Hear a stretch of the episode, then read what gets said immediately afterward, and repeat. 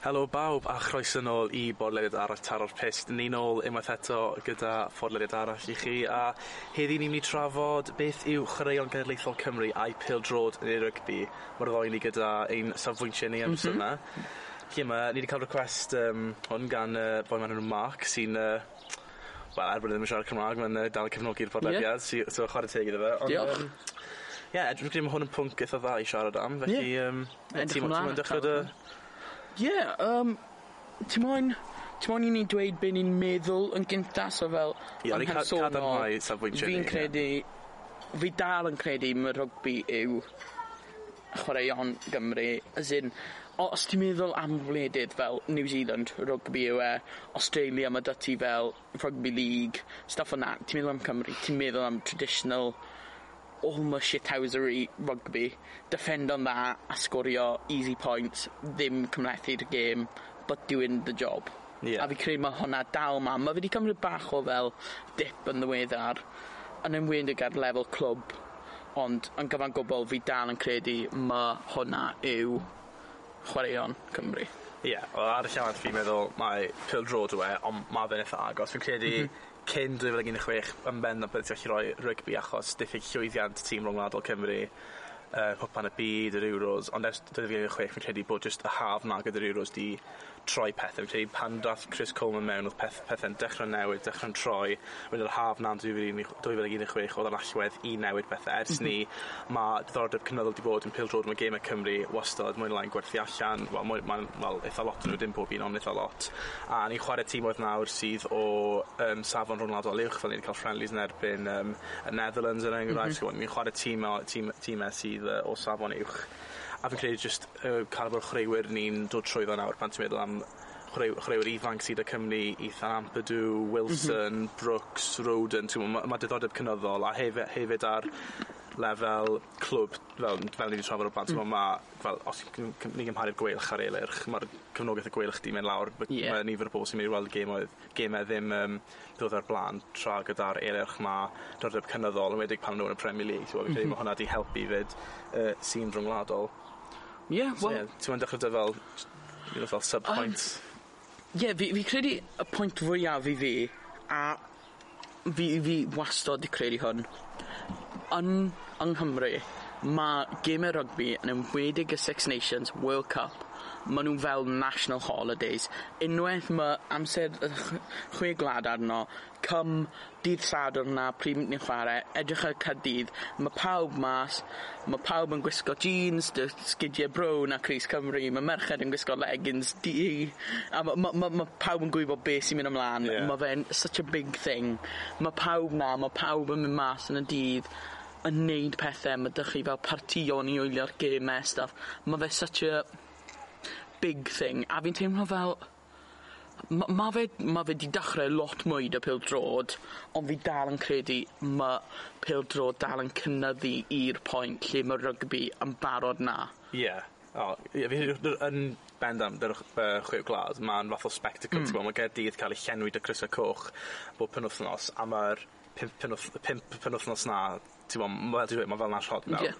Pa, fel ni wedi bod, yn yr ysgol, mm. ni wedi bod allan, mm -hmm. tia, un, un ar ddeg y bore, a ni allan tan y nos, yn, yeah. yn clwb i fod, ti'n bod. A fi'n credu, um, yeah, yn bendant y pil drod yn amlwg, dim fel period fel yna, lle ti'n cael fel 56 game heb law am yr euros, obviously, a cwpan y byd, a ond 1 euros mae'n cyfri wedi qualify am, heb, yeah. um, ddim yn cyfri 2020 blwyddyn yma. Ond ie, yeah, fel ti dweud, yn bendant, pan ti'n meddwl am sut mae fel hynaniaeth Cymreig yn plethu mewn gyda mm -hmm. ddefyd, ti'n gwybod, ti wastod fi'n credu mae pobl yn cael mwy o ymdeimlad Cymreig pan maen nhw'n go Six Nations, yn wedi pan ni chwarae Lloegr, ti'n gwybod, mae hwnna oh, pan, pan mae fel yeah. the height of national identity mm -hmm. yng Nghymru. Ti ddim yn cael hwnna gyda pil drod achos ni ddim yn chwarae Lloegr creu trwreth oedd yr Euros ac un hwnnw ddol 2010. So ddim yn chwarae nhw lot, ond o wedig dy'r Six Nations, mae hwnna yw pryd fel the height of national mm -hmm. identity yeah o fewn chwaraeon yn bendant, a dy pil drod ni ddim cweit yn cael hwnna, ond beth ti'n gweld gyda pil drod yw y nosweithi 'na European oh, qualifiers yeah. a World Cup. Dwi, er bod e dyw e ddim yn debyg i'r Six Nations ond mae'r a ma'r dal ymdeimlad o Gymreigdod 'na er bod e ddim falle mor grif fel ti dal yn cael y teimlad na ar nosweithi fel achos ni, wel, athyn ni i weld Cymru Azerbaijan a er bod mm -hmm. fel hwnna oedd y gêm lle oedd y lleia o bobl di weld y gêm yn fyw yn y stadiwm ond oedd dal y teimlad na fel Gymreigdod y stuff ond fi ddim benda yn, yn herme fel pan ti'n sôn am fel sut mae hynaniaeth, hynaniaeth yn plethu mewn a fel mm -hmm. y buzz o gwmpas yeah. achos sut mae achos dim fel Six Nations a dim byd fel yna gyda na, pêl-drod ti ddim yn cael fel y cy- jyst y cyfnod 'na heb law am yr haf os mae Cymru yn um, qualify am Euros neu Cwpan y Byd a wel ni 'na Euro twenty sixteen ti'n gwybod, mm. Y tro cyntaf fe di hwnna ddigwydd a fi'n credu achos bod y Cymru yn herme pêl-drod heb gael y cyfnod 'na ers 1958, ti'n gwybod, t'bo'? Ie. Ma' jyst oedd y cyfnod am mor wych a nath Gymru mor dda 'fyd a fi'n credu oedd 'llu gweld tristwch a Sean bod Cymru heb gyrredd cwpan y byd twenty eighteen fel odd mhm. pawb mor gytid a mae hwnna'n testament i faint mae pêl-drod wedi tyfu...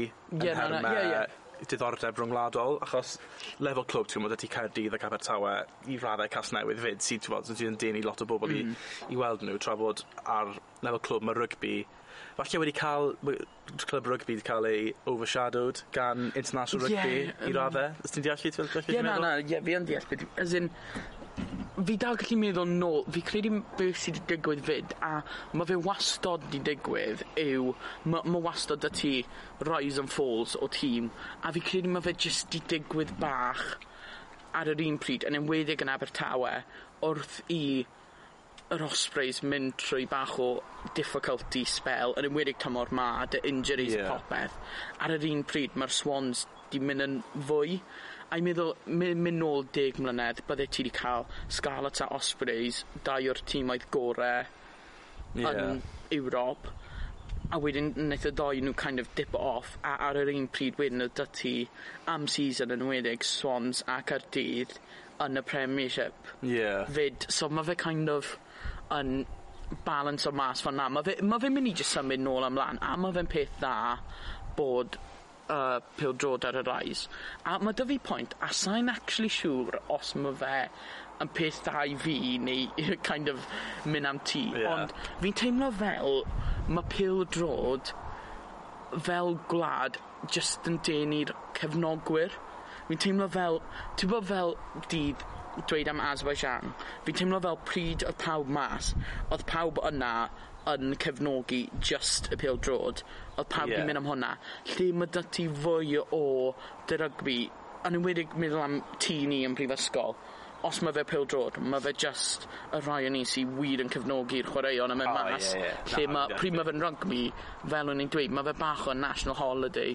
Mae pawb, mae pawb na jyst yn cefnogi Cymru yn gyfan gwbl ddim y chwaraeon. Ie, yeah, fi, fi fel fel yn yn hermed tŷ ni t'mo' fel mae 'dyn ni'r bois sy'n sy lico pil drod y stuff, a fel bydde pobl eraill yn tŷ ni bydden nhw ddim i radde yn fel dod allan i yym wylio'r pil drod, Hmm. ...fel mm. os o'n i'n mynd i wylio yn y pub neu unrhyw beth fel yna, fel os o'dd e'n gêm Cymru neu os o'n ni fel gêm um, Cymru Hwngari er enghraifft pan nath Cymru qualify am Euros oedd fel pobl 'di mynd allan... M-hm. ...ar ôl fel noson nw a- at y gêm wir fel 'da rygbi ti'n gwybod, mae fe'n fel ti'n dweud fi'n credu ma'r pwynt 'ma yn bendant yn cefnogi ti mae fe'n denu mwy o fel dem- fel mwy o demographic as in mwy o grw grwpiau eang o bobl, Hmm ie. ...achos fel fel, fel ti dweud, achos mae rygbi wedi bod yn just fel ffenomenon yng Nghymru, a wedi bod y chwaraeon genedlaethol yeah. yn bendant tan 2016, fel debatable, mm -hmm. ond ti'n bod, mae fe wastad wedi bod na, mae wastad fel traddodiad wedi bod o gwmpas rygbi, as in, mae fe mhm. wastad rhywbeth ti'n mynd allan, um, hwyr yn y bore ar uh, game day, mynd i'r pub i wylio fe, os chi'n mynd i stadiwm, chi'n mynd i stadiwm, os na, chi'n aros yn y pubs a stuff wedyn, yeah. ar ôl chi'n mynd spoons, wedyn mynd yn herfyn ni, mynd allan i clwb. clwb. Ond fel, ti'n bod, mae fe'n kind of traddodiad na, a mae pobl sydd ddim yn gwylio um, rygbi clwb ma' nhw fel ddim i fod ddim fel i rai enghreifftiau fel y merched yn tînu ti'n 'dyn 'dyn nhw ddim yn dilyn ry- clwb ry- rygbi clwb a stwff. Alle bod nw ddim yn deall fel rheolau rygbi i gyd ond... Ie. ...ma' dal yn dod allan fel achos mae fe'n ymdeimlad o gymuned mhm. pan chi allan yn chwarae pêl yn yn gwylio rygbi tra bod 'dy pil dro, chi ddim yn cael 'na. Ond we- wedyn chi'n meddwl am yn nherme ar y cae fi'n credu heb a- yym heb mae ma' ma' ry- ma' ma' Cymru Rygbi fel yn y Six Nations wedi bod yn wych a Cwpan y Byd nathon nw yn amazing. Fi'n credu achos y cynnydd mae Cymru 'di wneud ar y Cae pil drod, pan ti'n meddwl nôl i pan nath Coleman cymryd drosodd y Cymru fel hundred and twenty seventh fi'n credu y rankings nawr ma' nw'n Cy- ma' Cymru'n top 30 ne' rhywbeth fel yna. As in just fel y cynnydd a m- ma' o'n dang- hwnna'n dangos fel os mae pil drod yn yn cynyddu'n fwy bod ni yn qualifier am World Cup a'r Euros yn olynol bob fel pob cyfle ni'n ca'l bydd um, bydd dy- y diddordeb a nifer o gefnogaeth yn yn tyfu. Ie ie. Yn yn bob blwyddyn, ond fi'n credu achos fe- dy rygbi achos bod the Six Nations is the key really, i gael cefnogaeth cyson mhm. achos bod dim byd fel 'na ym mhêl-drod. Dyna beth sy'n denu mwy o bobl Ond mae yna dau aspect pan ti'n meddwl am fel off y cae a pobl sy'n cefnogi a wedyn y llwyddiant ar y cae a stuff. Ok, mae dy fi cwestiwn gloi ti sy'n kind of linko i podcast diwetha ni. M-hm. Check it out os chi heb. O- odd e'n o- itha hwyl. One, yeah. Naethon ni basically just dod lan a shwd bydden ni'n newid y byd pildrod neu byd... Na, ni ne- naethon ni byd pildrod na gynnu. Ie. So, os y ti gallu, bydde ti'n creu Six Nations, fel Four Nations tournament. Yeah. Wel, pob well, cofio half. nôl yn the 70s, 80s oedd y mm. Home Nations, yeah, oedd, yeah. oedd Cymru, um, Cogydd Iwerddon, Ralban a Lloegr yn chwarae gilydd ar fel diwedd y tymor pil dro mm. drwy'r roth o tournament. Credu bod y syniad na'n dda, a fi'n credu bydde fe'n rhywbeth yn bendant, bydde'n denu, denu cefnogaeth yn mm. 100%. Ond I dunno fi jys credu fi jyst yn meddwl bod yr ymdeimlad yna ddim yr un peth a beth sydd â chi yn y Six Nations. Fydd dal ma' fe dal yn syniad da. Ie. Ond fi'n credu gwneud fel diwrnod allan o'r beth i gefnogwyr dwi e ddim yn mynd i fod yr un peth. Chi ddim yn mynd i cael yr un fath o deimlad a fel fever o fel y g- yy o fel game day. Ti 'da chi'n meddwl? Ie. A sa- oce ma' hwn falle mynd i sowndo bach yn ystrydebol ddim o pobl o cymunedau fwy. Fel sa'n siŵr pam. Os fi'n meddwl am cefnogwyr pildrod, dyna lle mae lot fwy o terma fel hooliganism a yeah, stuff yna yn yeah. dod mewn i cymharu dy rygbi. Ond fel, yn aml, mae dy... Wel, mynd am stadiums, yn stadium pêl-drod, mae dy ti y split rhwng yeah. home fans a away fans. Yn rygbi, mae pawb da'i gilydd, oce, okay, mae wastod falle yr un top cent sydd wedi yfed gormod am was that a fight. Ond mae rhan fwy o fe, ti'n cael hwyl dy'r tîm yeah. arall. A fi credu dyna falle pam mae ddim home nations dyddi yma achos... Ie. ...dy rygbi oce okay, falle mae bach o clash 'dy fans Lloegr, ond mae fwy o fel banter lle fi'n teimlo fel... Dyw e ddim yn rhy ddifrifol nadi ie. Os ti'n dod ar rhai hard fans o'r doi tîm o dy gilydd yn un ddinas pob blwyddyn mae'n mynd i bod problemau. Ie yeah, fi'n credu enwedig eto ddim i ystradiebion fel jyst achos bod beth sy'n digwydd yn y gorffennol 'da um, cefnogwyr Lloegr, ti'n gwybod, mm -hmm. sa'n dweud yn y Euros, ffordd bod cefnogwyr Lloegr i gyd fel yna, ond mae yna grŵp sydd mm -hmm. yn cael ei uwcholeo o fewn y cyfryngau a'r wasg, a mae hwnna yn amlwg mynd i cael ei fel, exploitio wedyn. Mae hwnna yn ddigwydd, ond mae hwnna'n falle bach o broblem. Ond mae fel y syniad lawr ar bapur o Home Nations yn syniad da, achos mae fe'n cyfle i dimoedd rhwng, dimoedd rhwngwladol Prydain chwarae yn erbyn ei gilydd a fel mm -hmm. dod i nabod mwy am opposition a stuff a hefyd cael y fel match practice achos mae ma lot o debate wedi bod rhwng fel international friendlies a bod hwnna bod nhw'n bach yn dibwynt a dal yeah. cael ei scrapo a fi'n fi, fi completely angytuno gyda hwnna ond fel bydde'r Home Nations sy'n bo Fi'n credu, byddai'n syniad, byddai'n lego gweld e, just unwaith i weld sut bydde fe'n digwydd, sut, how it would play out rhyw fath o beth. O, oh, ie, yeah, a fi'n credu byddai'n cael rhyw fath o similar aspect fel obviously dy Cymru yn mynd mewn i'r uh, Cwpyn y byd sori. Nethon ni mynd syth mewn i Cwpyn y byd 'na off ennill Grand Slam. So mae fe kind of old dynnu y hyder 'na ar international level a oedd y tîm braidd 'di newid so o'n i 'di cario fy trwyddo. A fi teimlo fel dy- pêl-drod ryg- pildrod pêl-drod Cymru. Ma' o- ni y Euro success. Ie. Ond wedyn nath tîm yna ddim rili chwarae 'da'i gilydd i'r un safon a'r un competitiveness tan qualifiers... Ie. ...y World Cup Oedd bach o break, lle falle os oedd fel rhywbeth pob blwyddyn bydden nhw'n gwybod oce okay, ni moyn ennill lle blwyddyn yma. a fi credu m- bydde fi'n credu galle fe wedi bod weddol agos fe fel mae 'dy ti y Six Nations mae 'dy ti realistically Iwerddon Cymru Lloegr at y push France tro 'ma Mae fe mas o nhw a wedyn mae 'dy ti... Ie. ...yr Alban a'r Eidal sy'n fwy tebygol o bod lawr lle fi credu dy ryg- yy dipyn-drod ma'r pedwar tîm falle ddim exactly equal ond maen nhw'n agos iawn Ie. fel... A fi'n credu yn bendant ma' t'mo' fel bydde fe'n o berspectif Lloegr efalle achos ti'n t'mo' fel fi'n credu maen nhw, wel dim ffafr fel favouritism 'na ond pan maen nhw, pan ti'n gweld grwpiau qualifiers nhw, cwpan y byd a'r Euros, ti wastad yn gweld bod nhw'n cael grwpiau fel mwy hawdd. As in, fi'n credu yn y grŵp diwetha tîm oedd di, oedd yn challenge mwy iddyn nhw oedd Czech Republic a'r Alban, ti'n bod, dyn nhw ddim yn... Um, fel, ti'n bod, dyn nhw ddim yn ama uh, amazing o safon gymharu pan ti'n meddwl am grŵp Cymru oedd fel o Gwlad Belg dyn nhw mm -hmm. yn, mhm. yn yr un yr Euros oedd um, Hungary tro ma, ti'n bod, tîm, tîm oedd sydd well, Hongri ddim yn tîm o safon uchel, ond ti'n gwybod beth fi'n meddwl, a fi'n credu weithiau bod pan mae Lloegr yn fel, welwn ni fe yn cwpan y byd, fel, fel, fel, fel y Cymru, os fi'n i ddweud, e, gathen nhw easy run-in, a unig mm -hmm. tîm nath nhw chwarae oedd yn dison wrth glad bel, gan nhw chwarae dwywaith a, a cael llif nhw dwywaith, yeah. Fel, falle bod o safon, safbwynt Lloegr oedd hwnna'n dda, a fi'n credu bod yr Home Nations gallu dod â mwy fel competitive edge rhwng y tîm oedd um, Rŵan ond fi'n gwybod fel mae gall gallu e bod um, gwleidyddiaeth yn do- yn chwarae mewn iddo fe 'fyd achos bydd gogledd Iwerddon wel dim falle ddim gogledd Iwerddon bydd yr Alban a Cymru yn bendant yn cysau Lloegr a Manceinion nhw dwi me'wl ma' ma' fel rygbi. ie ma' gwleidyddiaeth yn dod mewn iddo fe ond fi'n credu bydde fe lot mwy o competitive edge a bydde mm. fe'n um, yeah, bydde fe'n neis i weld o leia unwaith i weld sut bydde'n chwarae allan. Amlwg bydd agwedd y chwaraewyr 'fyd os maen nhw moyn neud e a'r hyfforddwyr Ie, yeah, fi'n credu bydde, bydde fe'n syniad da, falle, i uh, weld o leia unwaith. Um, yeah, wel, un, un peth arall o'n i'n meddwl am yw, ti'n gwybod ti'n dweud am clybiau falle mae pil dro ti'n cymryd drosto. Ie. Yeah. Un peth falle byddwn ni'n ymladd nôl, even though it's not fighting, achos ni'n cael ei just trafod, yw am ryw reswm, mae ma rygbi o fewn Cymru dal yn digwydd, if that makes sense, as in, mae dal pob boxing day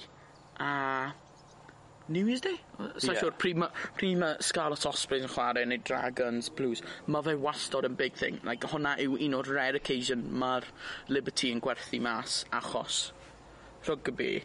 a fi credu mae Judgment Day dal yn peth weddol fawr o fewn rugby. a fi credu mae fe just yn ddiweddar dy Mae ma' Scarlett dal yn mynd yn weddol fawr, ond fi credu y big thing i meddwl am clwb rygbi yw pa mor fawr oedd Ospreys arfer fod. O'n nhw arfer... Yeah. Oce, okay, falle ddim gwerthu y stadium mas pob gêm, ond oedd e'n weddol llawn i cymharu dy nawr maen nhw'n stryglo cael fel 5-6,000 yeah. pob gêm. Felly, yn bendant, yn ôl adeg ni, cyn 2016, fel fi wedi dweud, rygbi cant y cant yn genedlaethol oedd yn, mm. yn ben. A wedyn pan ti'n meddwl am fel cyn oedd uh, Cerdydd a'r eilyrch yn neud yn dda, fel pan League One, League Two days yn bendant fel rygbi, achos dwi, dwi di sai'n dilyn rygbi lot, ond bach yn pan ni'n meddwl am Ospreys, pan ni'n meddwl fel James Hook, Gavin no, Henson, Lee Byrne, fel, ti'n bod, yeah, basically fel Duncan Jones, Adam Jones, ond fel o'n i'n gwybod y chwaraewyr fyd, a fel fi'n fi, fi cofio, um, gwylio nhw stuff fyd, er bod fi ddim yn gwylio rygbi hwnna'n testament fel i faint o mm -hmm. pa mor fawr oedd e, pa mor poblogaidd oedd e, ond ers ni, yn fi credu jyst y problem yw bod rygbi clwb 'di cael ei um, bod yn cael ei overshadowed gan um, rygbi genedlaethol, dyna'r broblem i fi, dyna beth fi'n meddwl yeah, sy'n sy okay. wedi digwydd. Fi fi hefyd yn credu mae heb fi fi teimlo fel ni wastad yn neud ond ni wastad mynd bach yn political ond mae fe goffod sôn am fi credu mae funding hefyd yn big thing i meddwl... yeah deg mlynedd yn ôl oedd funding i gyd mewn i fel clwbs a stuff oedd 'da fel cwbl o thnos yn ôl, o'n i'n trafod o'n i wedi trafod y gêm lle oedd e basically the Ospreys thirteen yn yeah. erbyn Lloegr. odd 'da ti hwnna lle mae dyddie yma, stym, ti'n meddwl am big names Cymru oce okay, mae Liam Williams wedi dod nôl half penny wedi dod nôl ond o'n nhw ddim yn chwarae mewn... yeah. ...Cymru mae bigger yn chwarae yn Lloegr. Mae'r ma' ma' arian ddim yna. Dyna beth ni'n iawn ti ti'n credu bod y regions a fel ti'n chwarae regions i chwarae i Gymru ti'n meddwl bod hwnna yn rhywbeth sydd wedi effeithio ar mm.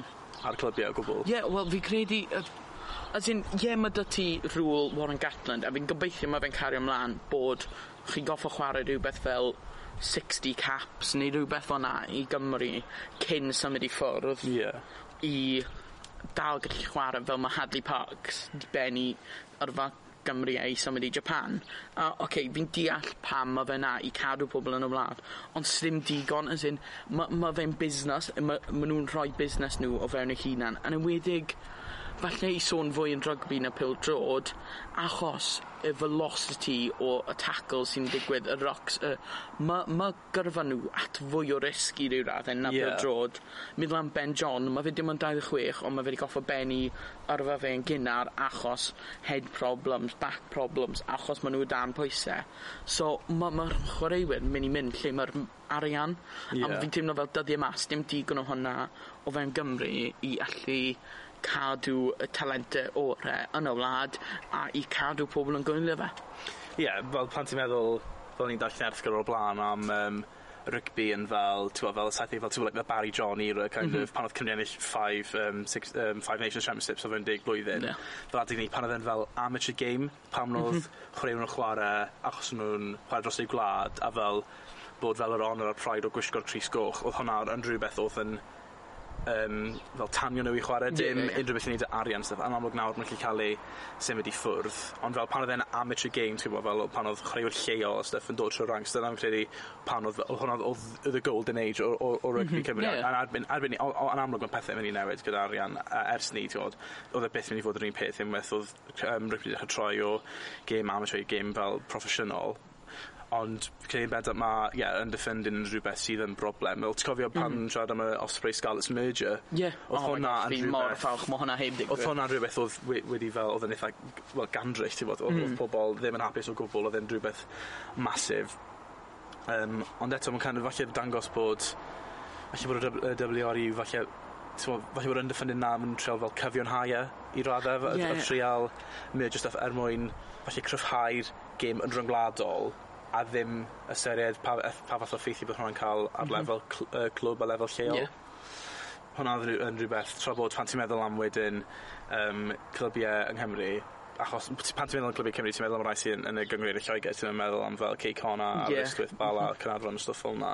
Ti'n meddwl am um, Abertawe, Cydydd, Casnewydd a Wrexham, nhw'r yeah. pedwar pan ti'n dod, dod i'n meddwl, maen nhw'n neud yn dda, ti'n bod, maen nhw'n neud yn dda neu gyngreiriau, a fi'n credu hwnna falle yw reswm arall bod um, gêm rhwngwladol Cymru, actually na, na fi ddim, achos fi'n meddwl oedd odd lefel le- um, safon tîm Cymru rhwngwladol cyn Chris fel Chris Coleman era oedd odd odd Oedd odd warthus. Odd y O, ie, chwaraewyr oedd ddim e. yn dda, oedd dim llawer o ffundin i'r FAW, oedd odd dim lot o arian ganddyn nhw o fel credu fel bwrdd rhwngwladol Prydain o ran Bill Trod, oedd ddim cael lot o arian ganddyn nhw, mhm. a oedd ddim yn rhoi um, lot o funding i youth systems a pethau fel yna, so oedd y chwaraeon yn cynhyrchu ddim o'r safon, ond nawr pan ti'n meddwl am chwaraewyr ifanc sydd â Cymru, mae'r safon yn dechrau gwella a mae tîm oedd yn wella, mae'n ennill sy'n denu mwy o bobl mewn.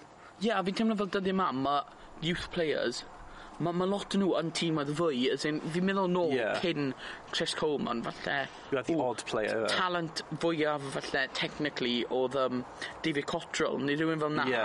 i cymharu dy nawr mae 'dy ti fel Harry Wilson sy'n chwarae i Lerpwl Woodburn Lerpwl Ampadwy Chelsea Dan James United ma' nhw yn y Ie, ma' nhw'n big chwarae tîmoedd clubs, mawr, ie. a ma' nhw'n t'wo' ma' nhw'n chwarae 'fyd, fel bod nhw'n falle mynd i fenthyg, ma' nhw'n mynd ar fenthyg i tîmoedd sydd dal o safon uwch. Mhm. Um, ond ie, t'm' ma' fel fel ni dweud mae dau aspect iddo fe o o ran beth yw chwaraeolaethol Cymru o ran llwyddiant ar y cae a wedyn lefel cefnogaeth yn y stadiwm a fel genedl. A fi'n credu llwyddiant ar y cae mae fe'n eitha debyg ond fi'n credu ers Rhiw twen'y sixteen llwyddiannau tîm Pildrod Cymru wedi cael ei uwchleo yn y was, mm -hmm. sydd yn dda, achos mae fe'n bod, ni wedi mynd o dim byd mwyn lai am Chris Coleman wedi kind of traws newid hwnna i fod yn rhywbeth fawr. A rhan y gigs yn ceisio cynnal hwnna, a os, yeah. os mae yn, os mae fe dal yn cynnal e, ti'n credu bod yr uh, Euros blwyddyn nesaf, mae hwnna'n mynd i fod yn fel, os mae Cymru ni llwyddo eto, yn credu mae Pildrod Cymru wedi cymryd cam ymhellach wedyn mm -hmm. o ran cael llwyddiannau. Tra bod gyda Cymru, er bod y llwyddiant na yn gyson o ran pencampwriaeth y chwe gwlad ers i Gatland dod mewn, er bod felly ni ddim 'di ennill e bob blwyddyn, mae dal lle wedi bod yn chwarae dda, mae fe ond am y cyfnod 'na flwyddyn pan mae y sylw ar rygbi Cymru, a wedyn am weddill y flwyddyn heb law bod 'na cwpan y byd a heblaw am Ult- Ultimate Internationals, ma' hwnna wedi fel cael ei roi un ochr a bod sylw tuag at um, rygbi uh, ranbarthau ddim yn agos i yeah, na, sylw yeah, sy'n gallu digwydd i pildrod am barthol y clybiau. Ie, yeah, uh, fi, fi deall beth ti'n meddwl o fewn... Os ti'n meddwl internationals, fi'n credu definitely falle mae rygbi yn cymryd em yna. ond os ti'n edrych ar e, y chwaraeon yn gyfan gwbl, falle neu yn debygol yn y blynydde nesa nhw wedi gyfalle y Swans blwyddyn 'ma pwsio am play-offs i falle mynd nôl i'r Premier League. Os mae pethau fel 'na yn digwydd mae yna cyfle i falle pêl-drod cymryd drosto.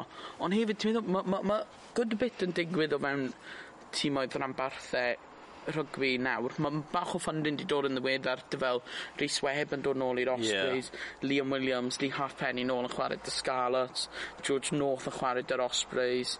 Mae, okay, mae dal chwaraewyr dramor, ond mae lot fwy o talentau falle nôl, a hmm. falle mm. bydd hon yn denu fwy blwyddyn nesaf, a fi credu, sa'n sa siŵr am beth ti'n meddwl, ond falle, fi'n cysau dweud e, ond fi'n credu falle mae fe'n amser i'r osprey symud i ffwrdd o'r Liberty? Ie, yeah, fi'n credu yn bendant mae, fel ti'n bod, dwi'n beth mynd i llenwi hwnna eto, a pan ti'n meddwl am rygbi, mae fe yn eitha fel traddodiadol o ran chwaraeon mm. y Cymru yn bendant, pan hyd at 2016, a mae wastad, mae wastad wedi bod yn chwaraeon Cymru. Fi'n meddwl fydde falle symud nôl i St Helens rhywbeth rhyw lefel na, yeah. neu falle yn nôl, el er bod e... Mae nhw wedi chwarae yn y nôl. Mae hwnna'n fel kind of fel nostalgic fel rugby ground, ti'n gwybod, fe, dwi e ddim fel eistedd lawr, pan ti'n pan ti'n Liberty, er bod, ti'n gwybod, mae ma, ma fel, ti'n gwybod, eistedd fel eitha uwchlan, ti'n gwybod, ti ddim yn teimlo fel bod ti'n agos, a yeah. ddim fel safe standing, stuff mm -hmm. fel na, mhm. tra bod hwnna'n eitha droddediadol fe'n rugby. Os fi'n iawn, mae Scarlett's gyda rhyw fath o, os oedd fel standing thing? Na, sdim, na, sdim, mae Na, sy'n credu, ond ie. Yeah.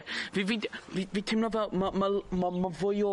Mae fe'n mwy o football stadium na rugby stadium. Ie, yeah, fi credu yn rugby, mae fwy o fel elfen social Yeah. Os ti'n deall fi mae ma' ma' fwy o yn debygol o mae 'dy ti fel grwps o falle tîmoedd fe, er enghraifft tîmoedd fel lleol fel bydden ni'n chwarae i yn mynd at o'i gilydd i wylio'r gêm Mae 'dy ti pobl yn nafed o fewn grwps, a fi credu mae fwy o hwnna o fewn rygbi lle dy pêl-dro ti'n fwy tebygol i just mynd â... Teulu ...a ti'n yeah. eistedd yn lle ti fel 'na a fi credu falle mae ma' ma' goffo bod rhywbeth seicolegol 'dy'r chwaraewyr os maen nhw'n edrych lan at y stadium a gweld falle un segment fach yn llawn yn lle falle stadiwm llai ond gweld e'n beaming mae fe'n mynd yeah. i... ...neud chi'n chwarae well falle denu fwy Hyn oed os mae fe just fel trial thing i drio cael pobl mm. ...nôl mewn i'r chwaraeon falle mae fe'n syniad a fi credu falle ma' angen fi fi teimlo fel sôn yn fel cenedlaethol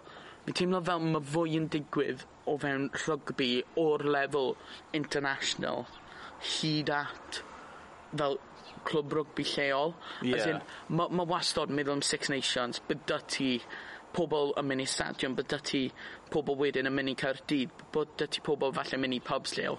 Ond hefyd mae 'dy ti cymunedau tîm rygbi lleol yn mynd i wylio'r gemau yn tîm nhw a mae fe'n fel tîm bond yn think fel pob di Sadwrn. Mae tîm ti falle yn yn gwylio'r gêm ar y di Sadwrn fel... yeah. ...grŵp o chi. Wedyn cymryd dydd Sul ti'n chwarae a fi'n credu mae fel ma' range 'na yn denu pawb ato'i gilydd yn fwy a fi teimlo fel y gallu digwydd yn pêl-drod ond sa'n credu mae fe 'na eto yeah, i ma' cael e mae o ymdeimlad cymunedol dy rygbi mm. 'na beth sydd y pêl-drod sy'n fel digwydd ym mhob lefel. Ie.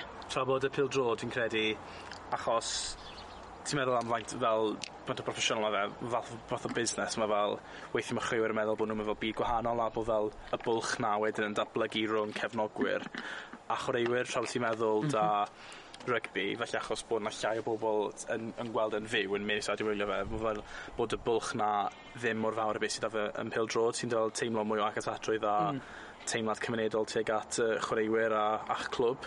Ta fydd yn amlwg dy, dy pildwch chi'n mynd teimlo fel, yn, fel chi'n cael eich clwb a stwff, ond chi ma' ma'r arpwch 'na rhwng fel fel nabod y chwaraewyr sy tra bod yn rygbi mae'n ma eitha glos. Ie yeah, fel ti'n meddwl, mae'n lot o ma' 'na yn bendant mwy o agosodrwydd yn rygbi mm -hmm. na beth sy'n ym pêl-drod so falle bod hwnna'n ffactor i fel bod t- pob pobol ymwellt yn nw gwylio rygbi achos bo' chi fel cael yr agosodrwydd 'na sydd ddim efallai'n bodoli gymaint ym pêl-drod.